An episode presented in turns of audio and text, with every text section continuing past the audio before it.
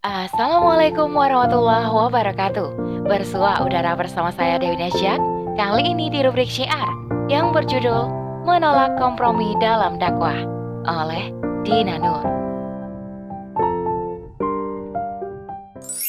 Maka Janganlah kamu ikuti orang-orang yang mendustakan ayat-ayat Allah. Mereka menginginkan kamu bersikap lunak Sehingga mereka pun bersikap lunak kepadamu. Simak seutuhnya di podcast Narasi Pos Media.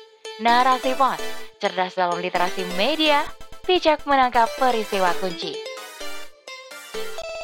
Dakwah adalah aktivitas menyampaikan risalah Islam. Melakukan amar ma'ruf nahi mungkar, dilakukan sesuai tuntunan syariat.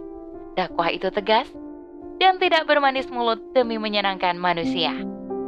Dakwah tidak melakukan kompromi dengan sesuatu apa pun agar hukum syariat bisa disesuaikan menurut kepentingan manusia menurunkan ketetapan syariat hingga berada di bawah yang lainnya. Tidak seperti itu. Rasulullah telah mencontohkan bagaimana melaksanakan dakwah di tengah masyarakat dalam berbagai situasi dan keadaan. Sebelum hijrah ke Madinah, Rasulullah berdakwah di kota Mekah. Dari sirah, kita mengetahui bahwa dakwah di kota suci ini penuh dengan dinamika dan tak mudah.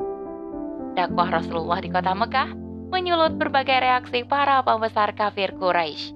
Bermacam strategi untuk membungkam dakwah beliau dan para sahabat dirancang oleh kaum kafir.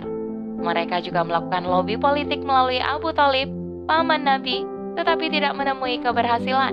Rasulullah secara tegas menolak permintaan untuk menghentikan dakwah.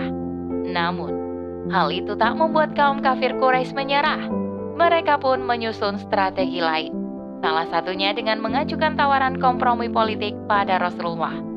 Sesuai dengan kesepakatan para pembesar Quraisy, maka diutuslah Utbah bin Rabi'ah yang biasa dipanggil Abu Walid untuk menjumpai Rasulullah. Utbah bin Rabi'ah ini juga merupakan salah seorang tokoh kaum Quraisy.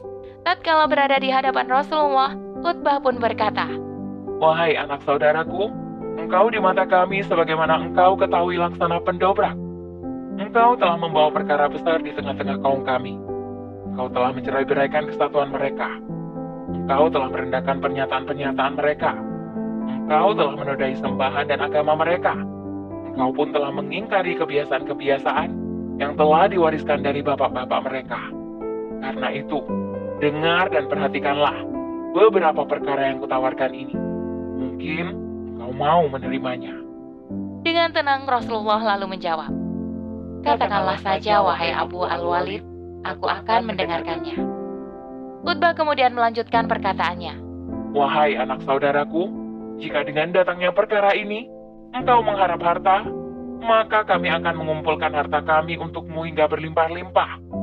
Jika engkau menghendaki kedudukan yang terhormat pun, maka kami akan memberikannya kepadamu, hingga kami tidak akan memutuskan perkara tanpa kesertaanmu. Jika engkau menginginkan kekuasaan, maka kami akan memberikan kekuasaan kami kepadamu. Jika perkaramu itu merupakan sesuatu yang terus-menerus mengikutimu, dan engkau tidak mau meninggalkannya, maka kami akan mencari tabib untuk menyembuhkannya. Kami juga akan berusaha semaksimal mungkin untuk itu dengan harta yang kami miliki, hingga engkau terbebas dari perkara tersebut. Inilah kompromi yang ditawarkan oleh kaum kafir Quraisy melalui Utbah bin Rabi'ah. Apakah Rasulullah menerimanya? Kita telah mengetahui bagaimana respon beliau terhadap tawaran tersebut. Beliau kemudian berkata pada Utbah, Apakah sudah selesai yang kau katakan, wahai Abu Walid? Abu Al-Walid pun menjawab, Ya. Rasulullah pun mengatakan, Jika demikian, maka dengarlah kata-kata dariku. Beliau pun membacakan surah Fusilat ayat 1 hingga 4 yang artinya, Hamim. Diturunkan dari Tuhan yang maha pengasih lagi maha penyayang kitab yang dijelaskan ayat-ayatnya, bacaan dalam bahasa Arab untuk kaum yang mengetahui, yang membawa berita gembira dan peringatan, tetapi kebanyakan mereka berpaling darinya, serta tidak mau mendengarkannya. Mendengar itu, Utbah terdiam. Ayat selanjutnya menyatakan dengan jelas bagaimana sikap kaum kafir terhadap risalah yang dibawa Rasulullah. Disebutkan dalam surah Fusilat ayat 5. Mereka berkata, di hati kami ada tutupan yang menutupi dari apa yang engkau serukan kepada kami. Di telinga kami ada sumbatan, dan antara kami dan engkau ada dinding. Maka, bekerjalah engkau, dan sesungguhnya kami juga bekerja. Kaum kafir Quraisy telah mengajukan berbagai macam tawaran kepada Rasulullah dengan harapan beliau mau menghentikan dakwah Islam. Mereka mencoba berkompromi dengan Rasulullah dengan maksud Islam tidak lagi disebarkan di tengah manusia. Harta, wanita, kedudukan, kekuasaan, dan segala fasilitas yang mempermudah kehidupan ditawarkan kepada beliau yang mulia, Rasulullah Muhammad Sallallahu Alaihi Wasallam. Namun, beliau bergeming. Rasulullah tidak goyah sedikit pun. Tawaran itu sama sekali tidak beliau pandang dan terus melanjutkan dakwah. Bukan sekali atau dua kali, tawaran untuk berkompromi diajukan, tetapi berkali-kali dan hasilnya nihil. Mereka tak berhasil membujuk Rasulullah untuk meninggalkan dakwah ataupun menyesuaikan dakwah seperti keinginan kaum kafir.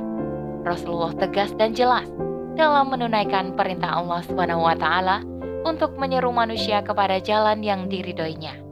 Beliau sampaikan perintah Allah secara terbuka sebagaimana yang dinyatakan dalam firman-Nya di surah Al-Hijr ayat 94. Maka sampaikanlah olehmu secara terang-terangan segala apa yang diperintahkan kepadamu dan berpalinglah dari orang-orang yang musyrik. Inilah dakwah Rasulullah yang tegas dan tanpa kompromi. Sebagai umatnya, tentu kita harus meneladani beliau dalam kehidupan, termasuk dalam berdakwah. Mendakwahkan Islam di tengah masyarakat tanpa memberi peluang dan kesempatan bagi kompromi untuk masuk. Masalah akidah adalah perkara yang mendasar. Sebagai sebuah prinsip atau asas yang mendasar, ia harus dijaga kemurniannya agar tak berubah sedikit pun. Berbahaya jika asas itu bergeser dan goyah. Ia tak akan mampu menopang bangunan di atasnya. Akibatnya runtuhlah semua apa yang ada di atas asas tersebut.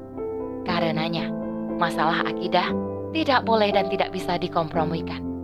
Sudah lumrah dalam dakwah, akan datang berbagai tawaran yang menggoda supaya tujuan duniawi tercapai.